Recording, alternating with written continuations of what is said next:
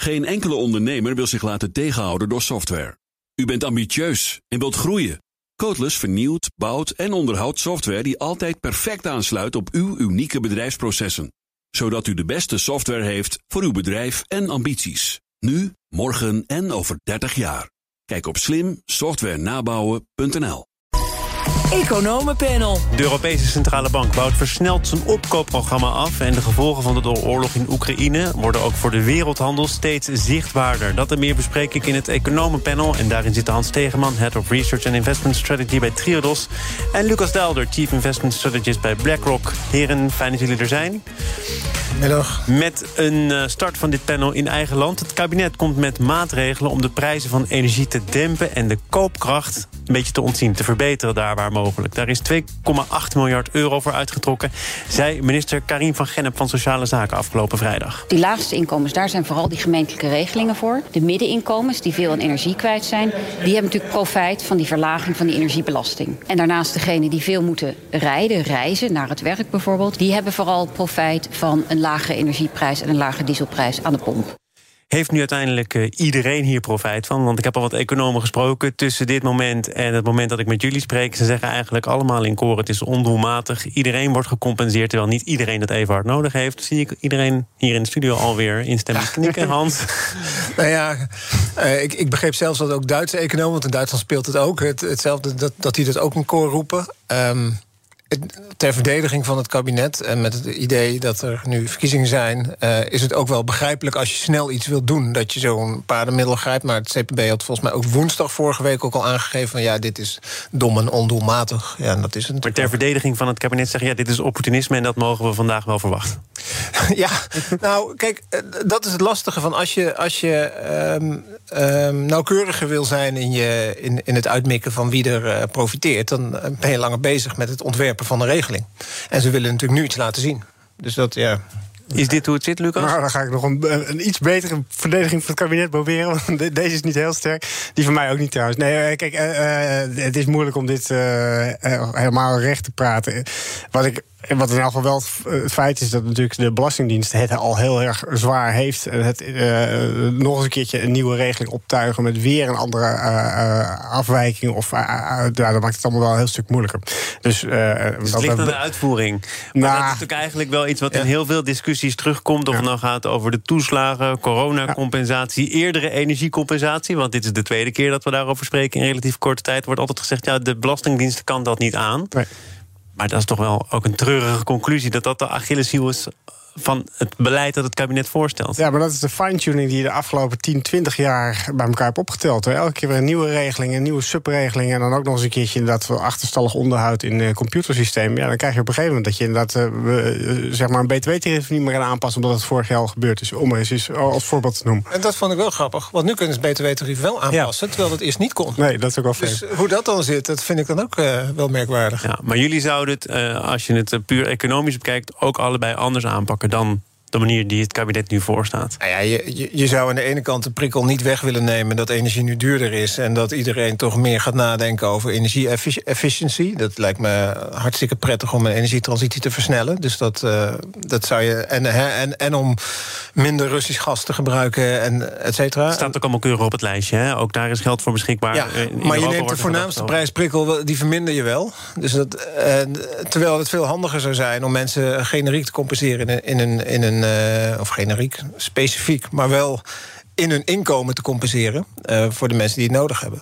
Ik denk dat het ook wel meespeelt dat deze klap natuurlijk net na die vorige klap komt. En uh, we hebben die vorige klap goed overleefd. Uh, aan de andere kant, als je volgens mij ook naar het bedrijfsleven kijkt, die hebben ja, toch behoorlijk moeten interen op de reserves. En als je dan deze er ook nog eens een keertje overheen gooit, zonder enige compensatie, dat je dan ja, toch al eerder echt in de problemen komt. Ik denk dat dat er een rol bij gespeeld heeft. maar goed. Het geld komt natuurlijk wel ergens vandaan. Bas Jacobs, ook lid van dit economenpanel, zei er eerder op BNR het volgende over. Dat je iets doet voor de lagere inkomensgroepen die nu hard geraakt worden, vind ik een prima punt. Zodat ze vanuit een min naar een nul gaan. Maar omdat wij als samenleving in de min gaan, betekent dat de midden- en de hoge uh, inkomensgroepen dieper omlaag gaan. Om te zorgen dat de laagste inkomensgroepen niet zo hard omlaag gaan. Jacobs heeft eerder gezegd, of je nou wil of niet, we zullen als gevolg van deze hoge energieprijzen en de crisis die wereldwijd woedt, armer worden. En dat moet je accepteren. En als je er iets aan wil doen, dan moeten de mensen die het meeste verdienen daar ook maar iets voor opzij leggen voor de mensen die wat minder verdienen. Maar accepteer dat de taart kleiner wordt. Ja. Waarom is het zo moeilijk om dat te accepteren? Nou, weet ik niet. Maar, uh, nou, kan... kennelijk, kennelijk, wordt het niet geaccepteerd, want er wordt voortdurend gekeken naar hoe er dan gecompenseerd nou, laat ik het zeggen. Ik weet niet, de taart zal wel kleiner worden, maar kennelijk minder klein dan we dachten. Want de, de, de maatregelen zoals die nu op tafel liggen, worden voor een groot gedeelte uh, gefinancierd door hogere gasbaten. Dus de taart wordt wel iets kleiner, maar kennelijk toch ook weer niet zo erg als we uh, op voorhand dachten. dus dat speelt in ieder geval ook een rol. Dus je hebt dan een goede dekking gevonden? Dat, deels, hè, dat is deels die dekking en de hogere gasbaten. En een ander deel is natuurlijk wat, wat Bas niet zei is, uh, ja, je hoeft het niet te zoeken binnen je huidige generatie. Want we hebben ook nog toekomstige generaties waar we lekker dingen aan kunnen doorgeven. als we het citaat 10 seconden langer hadden gemaakt, had hij dat. En dan had hij waarschijnlijk inderdaad wel gezegd, ja, maar in dit citaat niet. Want, want, dat is natuurlijk wat we nu doen. Dat schuif je er door, inderdaad. Je door, uh, nou, daar kun je ook uh, in het economenpanel een discussie over voeren. of dat wel of niet uh, op zijn plek is op dit moment. Om het dan maar door te schuiven naar een volgende generatie. Nou ja, lijkt. Dit is wel de politieke realiteit. het lijkt me alleen niet verstandig, want je krijgt er niks voor terug. Het is gewoon puur consumptie. En uiteindelijk betalen als land worden we armer. Dus we betalen het nu op kosten eh, van de toekomstige generaties aan het buitenland, aan Rusland in dit geval. Ja, want kun je daarmee dan dus zeggen... wij betalen dit aan Rusland. We zorgen ervoor dat we toch eh, hun olie, hun gas blijven gebruiken. Dat het betaalbaar wordt. En daarmee zeggen mensen die wat principeler in deze discussie zitten. Daarmee financier je ook de oorlog. Daarmee financier je wat er nu aan de gang is. Ja, indirect klopt dat. Uiteraard. Als je, als je zorgt dat die eh, consumptie of uh, ja, de consumptie van, van uh, energie op een hoog pijl blijft. Ja. En je haalt nog steeds het grootste gedeelte van je energie uit Rusland. Ja, dan financier je daarmee de oorlog. Dat, dat mag duidelijk zijn. Maar dat is kennelijk geen overweging geweest om dit al dan niet te doen, Hans. Nee, nou kijk, Nee, um, maar dat was natuurlijk ook het idee van Matthijs Bouwman. Je zou juist een invoerheffing moeten uh, doen op die, op, die, uh, op die energie uit Rusland, zodat je uiteindelijk onder de veronderstelling dat dat verwerkt wordt in de prijs en dat de marktprijs, de wereldprijs hetzelfde blijft. Dus dat uiteindelijk Rusland gaat betalen voor de compensatie die wij in Nederland dan weer moeten betalen. Dat was de gedachte van Matthijs. Vond ik op zich wel mooi. Alleen dat hangt van nogal wat veronderstellingen aan elkaar of dat daadwerkelijk gaat, gaat gebeuren. Maar dat is natuurlijk een van de manieren waarom je wel zou kunnen voorkomen dat je, dat je Rusland blijft subsidiëren. Oh. Is dat, is dat, want hij heeft dat eh, plan eh, uitgewerkt in het FD in een eh, langer stuk. Dus Russisch gas moet je eigenlijk duurder maken in plaats van goedkoper maken zoals het nu is. Is dat iets wat van aannames aan elkaar hangt, maar toch het onderzoeken waard is? Nou, dit is gewoon, zou ik zeggen, een standaard reactie van een econoom. Dus dat zou ook mijn reactie zijn. Van je moet uh, alles wat je niet wil uh, dat geconsumeerd wordt of uh, geproduceerd wordt, dat moet je zoveel zo, via een prijsmechanisme duurder maken. En dat is in principe wat hier achter zit. De veronderstelling is dat, dat Rusland op zijn zij gaat liggen en niks doet op het moment dat je het invoert. ja, en dat is natuurlijk nogal een veronderstelling op dit moment.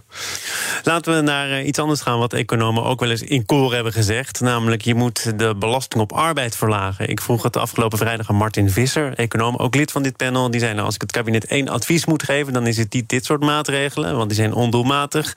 Mensen met toch al veel geld die profiteren daar misschien wel meer van. Maar iets wat je gewoon kunt doen, is het verlagen van belastingen op arbeid. Dan kom je ook de middeninkomens eh, goed tegemoet. Hans, had dit dan een serieuze overweging moeten zijn? Ja, het lastige is dat het ook generiek is. En uh, ik bedoel, het, het, ja, natuurlijk, je kan altijd lasten verlagen. Um, ja, het, het, het is beter dan, dan alleen op energie. Omdat het generiek is aan de. Uh, en, en dus, niet, hè, dus het loont dan nog steeds om te besparen op energie. Um, maar het feit blijft dat je dan nog steeds over de hele linie gaat, uh, gaat lasten verlichten. Ja. Maar het gaat ook over de hele linie wat minder. Tenminste, als je het dan Ingrid Thijssen zou vragen, de voorzitter van ja, VNO. Die, die, die, is al in recessie. Maar... Die is al in recessie, inderdaad. Ja, nee, maar... Die heeft ook gezegd: er is nog nooit een energiecrisis geweest zonder dat daar een recessie op volgde. Ja, maar dit gaat nog steeds van de veronderstelling uit dat je, dat je iedereen geld kan geven. Hè? Dus, en dat is nog steeds hetzelfde idee van ja, eh, we worden met z'n allen armer. Dus we hebben eigenlijk niks te verdelen. Maar is het zo gek dat zij uh, verwacht dat er een recessie aankomt? Het is nog te vroeg om dat te zeggen. Ik bedoel, het is helemaal niet uit te sluiten hoor. Maar uh, Rusland zelf is niet zo super relevant. Energieprijzen zijn zeer relevant, maar dat hoeft niet automatisch te betekenen dat je een recessie krijgt. Is Ingrid Thijssen te voorbarig? Ja, nou, dat hangt volledig af van hoe de, de wereld zich de komende maanden gaat ontwikkelen, zou ik zeggen. Maar goed, je heeft het afgelopen week al gezegd. Ja, nee, dat klopt. Eh, op basis van wat je nu ziet, kan je verwachten dat Europa zeker een klap gaat krijgen. Eh, dat, dat, sowieso. Eh, in hoeverre het zinvol is om nu al over eindeloze stagflatieangst te gaan praten, ja, dat vind ik zelf persoonlijk wat te ver doorschieten. Maar goed, het is makkelijk denkbaar. Hè? Dus op het moment dat je ziet dat gasprijzen weer eens een keertje richting de, de 300 gaan of hoger, is een stagflatiescenario zeker niet ondenkbaar. En een stagflatiescenario wil zeggen oplopende inflatie, geen economische groei. Klopt. En dan worden er vaak de jaren 70 bij gehaald. Juist. Dan zijn er ook economen ja, die zeggen: dit zijn de jaren 70 niet. Nee. Nou ja, goed, kijk. Is de situatie nu anders dan toen? Nou, kijk, uh, wat je veel ziet is dat er nu gesproken wordt over stagflatie. Stagflatie is voor mij echt een, een langdurige periode van, uh, van negatieve groei of lage groei met oplopende inflatie. wat je nu ziet is natuurlijk eigenlijk een eenmalige schok en hoeft dus niet per se tot zo'n langere periode van stagflatie te leiden. Maar goed, in het FD worden er natuurlijk ook voldoende berichten geschreven over dat, dat, dat we in de buurt of ja, ruiken aan stagflatie. Oncomfortabel dichtbij. Oncomfortabel dichtbij stagflatie zitten. Dus uh, ook hier lopen de meningen enigszins uiteen. Nou, en er zit een groot verschil. Als je, als je kijkt naar stagflatie, had natuurlijk een aanloop die eigenlijk al in de jaren 60 begon. Ook met een hele krappe arbeidsmarkt um, en, en hogere inflatie. Toen kwam die, uh, die olieprijsschok. Op dit moment zitten we tot en met corona met een enorm lage inflatie. Uh, met een hele andere situatie, met ook vooruitkijkend toch, een, uh, toch andere gedachten over structurele groei en over sparen overschotten. En dan vind ik het toch heel lastig om dan uh, opeens helemaal om te draaien en zeggen: door een energieschok, prijsschok, krijgen we nu een stagflatiescenario. het, kan, het kan, maar ik vind dat niet een voor de hand liggende parallel.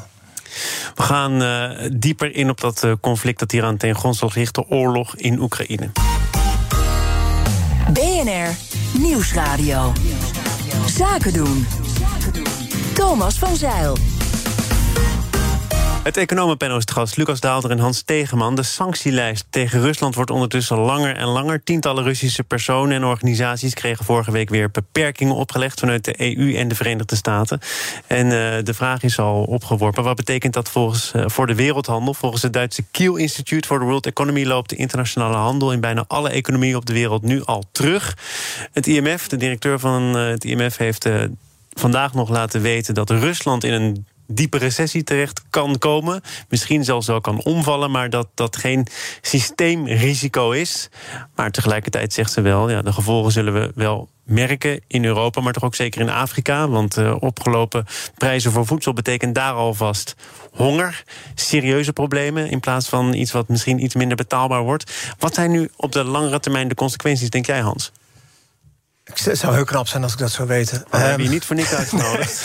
nou, kijk, en dat vind ik met, op dit moment nog wel met al dit soort analyses. Het is heel lastig om daar een definitieve richting aan te geven. Maar wat je wel kan zeggen, um, is dat eh, die sancties. En, eh, nou ja, en daarmee, ja, ik kijk dan ook naar het gedrag van China en, en wat daar ook, ook nu gebeurt. Van ja, iets van deglobalisering zal waarschijnlijk wel plaatsvinden. En dat betekent dat sancties op de iets langere termijn ook wel uh, handelstromen kunnen verleggen. En dat betekent minder een verlies van, van groei in ieder geval. En, uh, ja, wereldhandel heeft toch altijd al winnaars en verliezers gehad. En er is de afgelopen 10, 20 jaar ook iets meer de nadruk op gekomen. Nou ja, kijk, het, het idee is natuurlijk dat meer wereldhandel vooral veel winnaars krijgt, krijgt, kent door specialisatie in, in de keten.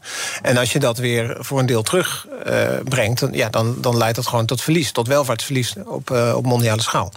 En die kans is natuurlijk wel aanwezig.